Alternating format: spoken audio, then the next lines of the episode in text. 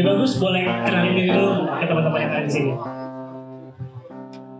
Ya, halo teman-teman. Nama saya Bagus dari Ubud dan di Stigma 2.0 ini saya sebagai penulis kuratorial teks dan penulis di sini. Oke, lebih bagus boleh ceritain kuratorial writer. Itu apa sih? Aku nggak tahu sih. Ya, jadi sebenarnya peran saya untuk uh, di, di pameran ini, uh, saya ingin sebenarnya menggambarkan sedikit tentang latar belakang uh, tema operation, atau penindasan ini dan juga untuk menunjukkan kepada penikmat atau kepada pengunjung untuk pameran kali ini sebenarnya hubungan antara seni dan penindasan yang dua arah. Bagaimana penindasan itu maksud saya semua seniman dia berkarya dan bertindak dalam konteks di mana dia lahir. Jadi itu pasti ada pengaruh atau ada dampak pada cara dia hidup dan berkarya. Tapi di sisi lain juga semua penindas atau semua resim yang opresif juga menggunakan simbol representasi dan seni sebenarnya untuk kepentingan pribadi atau sendiri. Jadi itu dua arah maksud saya penindasan atau konteks historis itu mempengaruhi seniman-seniman tapi juga sebenarnya seni uh, dalam bentuk perlawanan atau dalam bentuk propaganda juga uh, bisa berperan dalam penindasan. Nah, tadi kan ya bagus sudah kurang lebih mengexperience operate terhadap stigma 2.0 gitu kan. Ada tanggapan nggak nih? Mungkin bisa share sedikit gimana sih rasanya menjadi uh, di tengah kerumunan ini?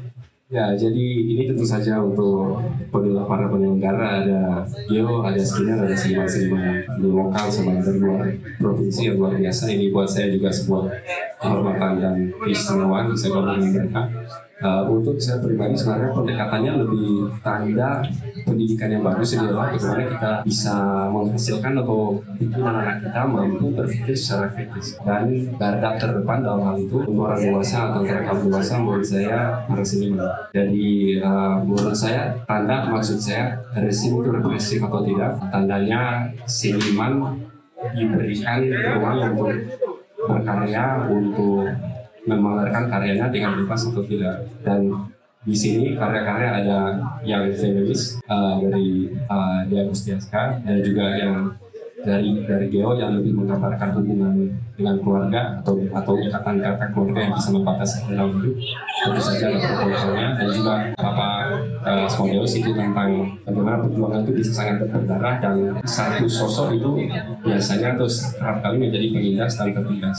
Jadi menurut saya banyak pandangan yang menarik dan sebenarnya hal yang paling saya, saya suka atau kita lihat dalam stigma tubuh ini banyak tema-tema yang saya agak berat atau agak sulit untuk ditangani diangkat tapi juga dengan cara yang berkesenian atau berestetika. Nah, terakhir nih bagus.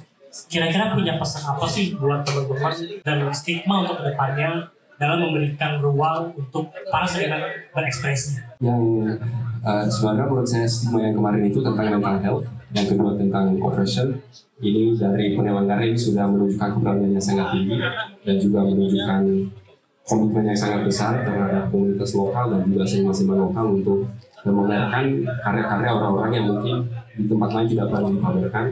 Dan juga tema-tema yang sebenarnya kita kan datang acara seperti ini sebelumnya. Bajunya keren sama teman-teman kemudian ngobrol mungkin hal-hal yang berat yang bisa menyedihkan atau bisa traumatis yang sebenarnya harus diutarakan atau harus diomongkan kalau mau kita sembuh dari masalah-masalah seperti itu secara bersama atau secara maksudnya dengan dia keluargaan atau dengan yang baru atau intinya kalau ada sebuah penyakit itu harus dikeluarkan dari diri kalau selalu dipendam atau di atau ditindas itu tidak mungkin kita Congratulations again ya. kita sebagai You do a great job, man. You do a great job. Oke, terima kasih bagus atas waktunya. Tepuk tangan dulu.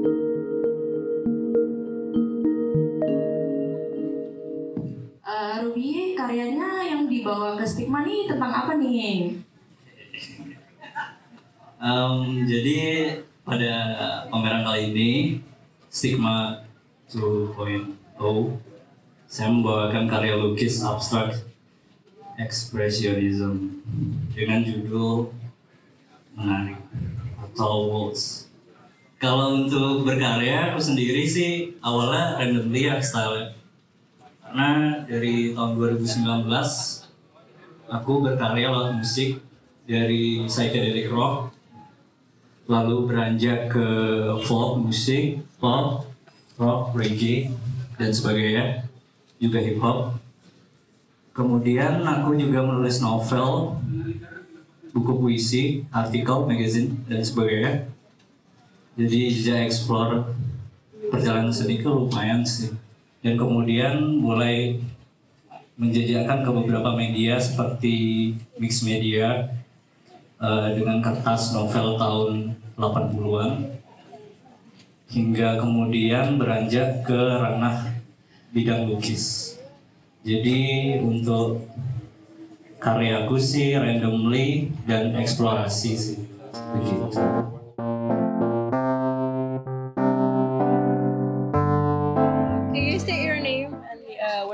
From? My name is Gideo Sana.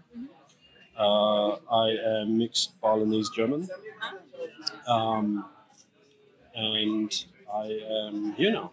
Yeah, I've, I've had a lifetime living overseas. Um, yeah, I just I want to return back to Bali, back to my family, back to my roots. Ah, okay, nice. My work is the, is the fort here, okay. the fort. So it's the uh, with the little kid with the mask on the back of his head. Ah, okay. Yeah, that's my work. Okay. So what's it, uh, how do you uh, respond to the theme with the?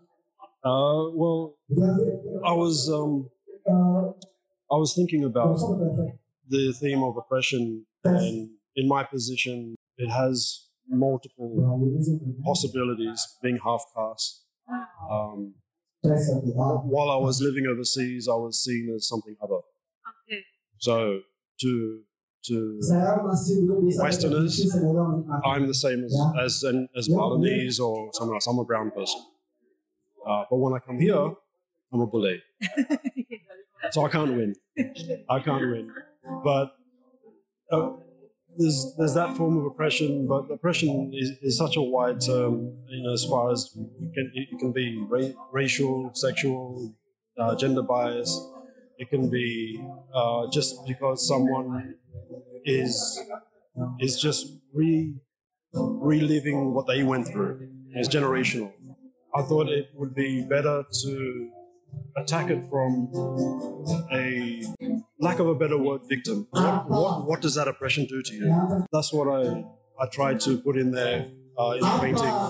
It's a it's about how oppression affects your inner child, how it makes you create a mask, really takes away your ability to appreciate the full scope of the world. So how do you feel being part of the exhibition? I, I feel honoured. I mean, I, I believe I believe in the in the theme, the the idea behind mental health and everything is something that's important. And in a lot of places, not just here, it's something that's less talked about. It really needs to be addressed because people they're going through stuff and don't even going to realise it.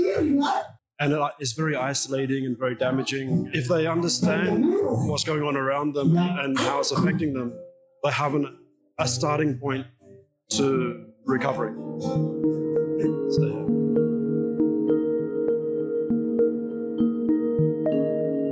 Eh, jadi tema kali ini karena aku ambilnya penindasan ya gitu karena eh, seperti biasa stigma mengambil isu-isu yang terjadi di sekitar kita dan aku ngelihat banyak banget sebenarnya penindasan dan gak banyak orang yang sebenarnya sadar gitu Iya. jika penindasan itu terjadi di sekitar mereka Iya. gitu jadi kita mau ambil eh, tema tersebut dan kita respon dengan karya seni.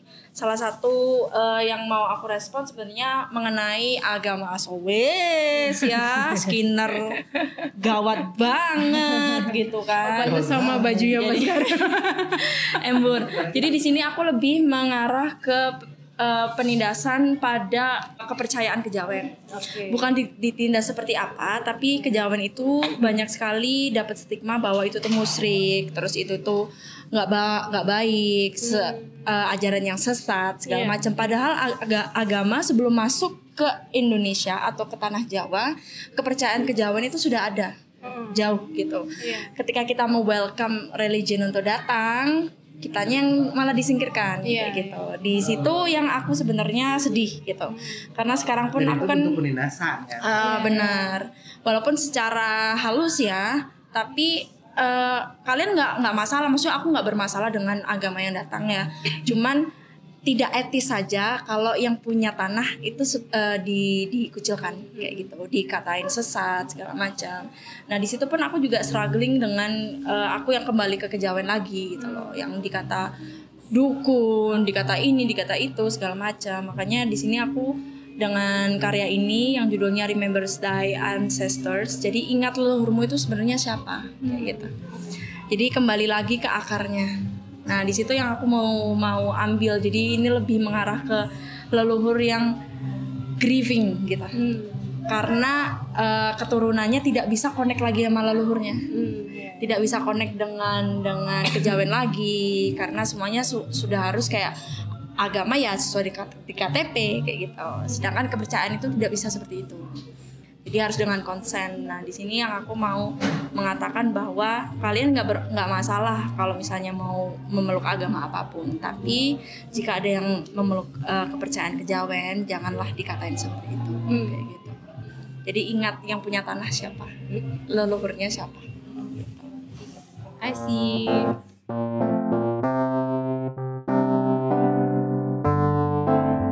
yang menggambar tengkorak yang besar di sana. Karya saya ini berbeda dengan yang lain ya karena saya tidak bicara tentang penindasan dari orang lain, tapi saya berbicara tentang penindasan yang dari diri kita sendiri. Eh, banyak yang berpikir kalau orang yang tertindas itu eh, pasti victim, yang penindas yang penindas itu pelakunya. Tapi kita sering lupa kalau sebenarnya kita sendiri juga kadang-kadang pelakunya. Eh, saya menggambarkan di lukisan di karya saya itu terutama untuk eh, zaman sekarang. Itu orang gampang sekali untuk menyatakan dirinya adalah korban, tapi tidak pernah introspeksi kalau dirinya sebenarnya pelaku. Dan kadang-kadang eh, hal yang buruk itu gampang sekali dipelintir menjadi sesuatu yang benar pembenaran diri sendiri. Jadi saya menggambarkan di situ kalau kita ini memasuki fase kematian moral. Itu aja. Terima kasih.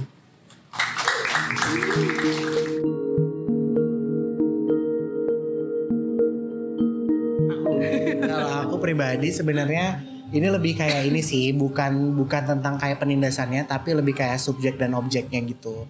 Kayak eh, sometimes eh, yang melakukan penindasan itu bukan orang jauh gitu loh, orang dekat gitu. Sometimes orang yang kita kenal atau orang yang satu darah bahkan sama kita sometimes gitu.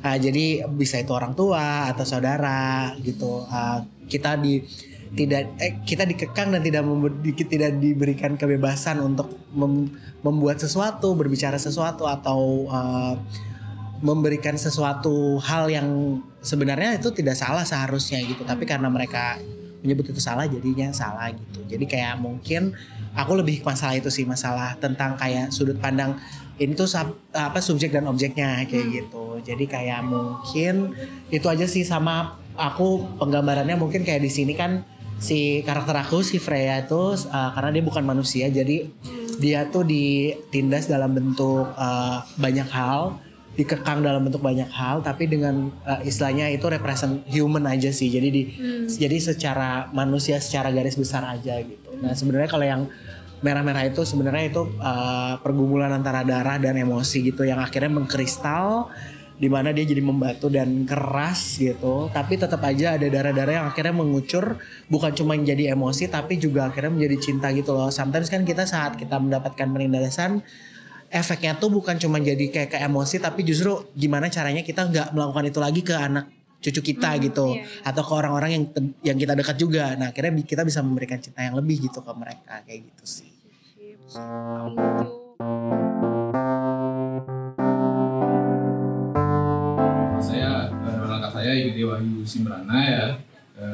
dipanggil Wahyu aja dan ini partner saya di Bagus Reka Bayuta eh, dipanggil Gostut ya. Aku akan perkenalkan secara general aja ya tentang konsep karya kita eh, yang berjudul I Have Feeling.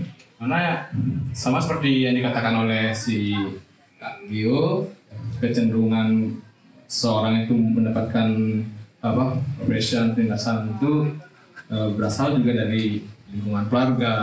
Dan ini apa namanya eh, secara general eh, kita mengambil traffic ini ident- identifikasi eh, terjadi pembulian terjadi apa penindasan itu eh, kita ambil tiga titik yaitu dari pertama dari lingkungan keluarga kedua dari lingkungan sekolah dan yang terakhir adalah lingkungan sosial.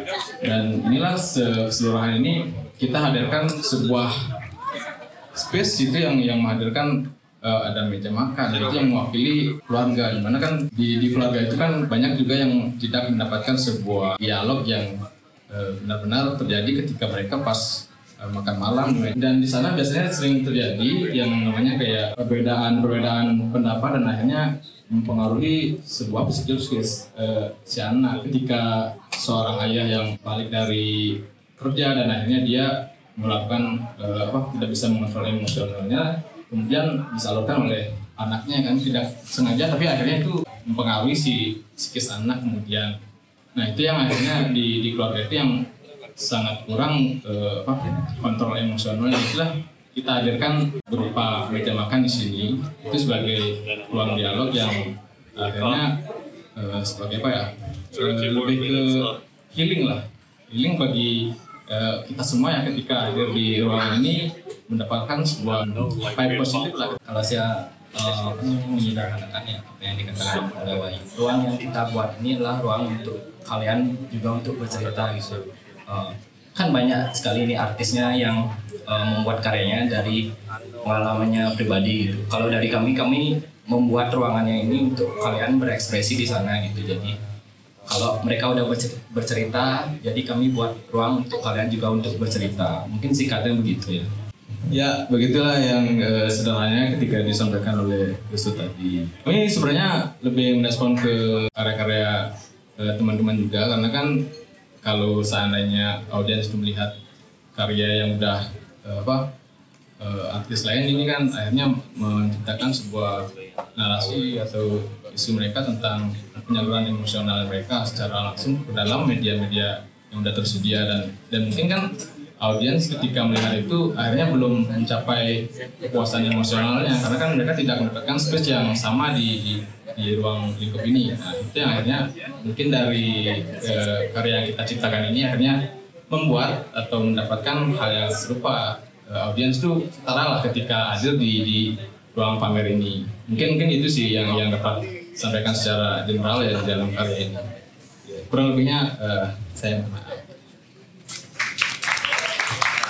Ya baik, eh, aku namanya Igede Wahyu Simrana ya, panggil aja Wahyu, asal dari Karangasem.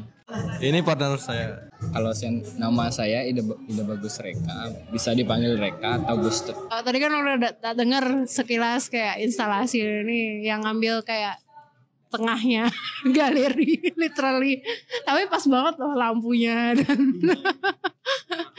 Oh iya Eh, apa namanya gimana eh, apa namanya waktu itu gimana ceritanya kok bisa ikut call terus gimana rasanya akhirnya bagian dari pameran Pertama kenapa bisa ikut? Karena dikontak sih. Karena dikontak sih ya. Terus ya. ya, ya benar sih. Karena kan eh, mereka juga ada open call dan invitation kan. Akhirnya ya aku bag- bagian dari invitation itu dan perasaan akhirnya ikut pameran gimana ya?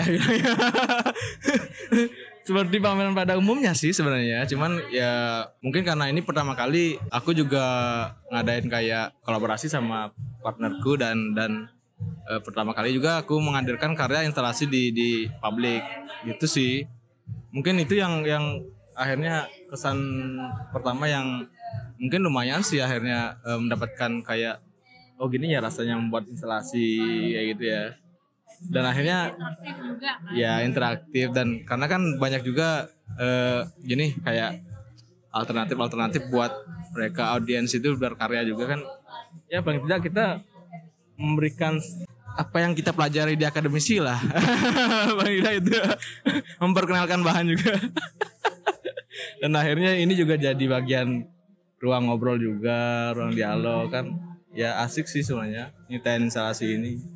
Itu sih. Ya sebenarnya kan Wahyu yang yang punya gitu anaknya dari awal gitu. Terus dia uh, ngechat ke aku gitu. Oh ini ada uh, instalasi. Terus dia udah buat konsepnya udah lengkap banget gitu. Kayak aku gak bisa nambahin nih yuk gitu. Oke pakai konsepmu gitu. Terus dia bilang oke mau rasanya aku cuma bantuin dia aja sebenarnya gitu